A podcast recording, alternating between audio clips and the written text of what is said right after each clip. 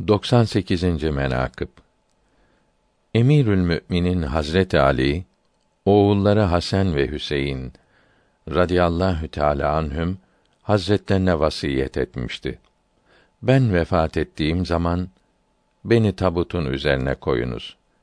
Dışarı çıkarınız. Arneyn tarafına götürünüz. Orada bir beyaz taş görürsünüz.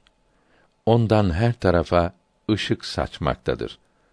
O yeri kazınız. Orada güşade makam bulursunuz. Beni oraya defnediniz. Her ne şekilde vasiyet eylediyse yerine getirdiler. O yeri buldular. Şevahidün nübüvveden alınmıştır.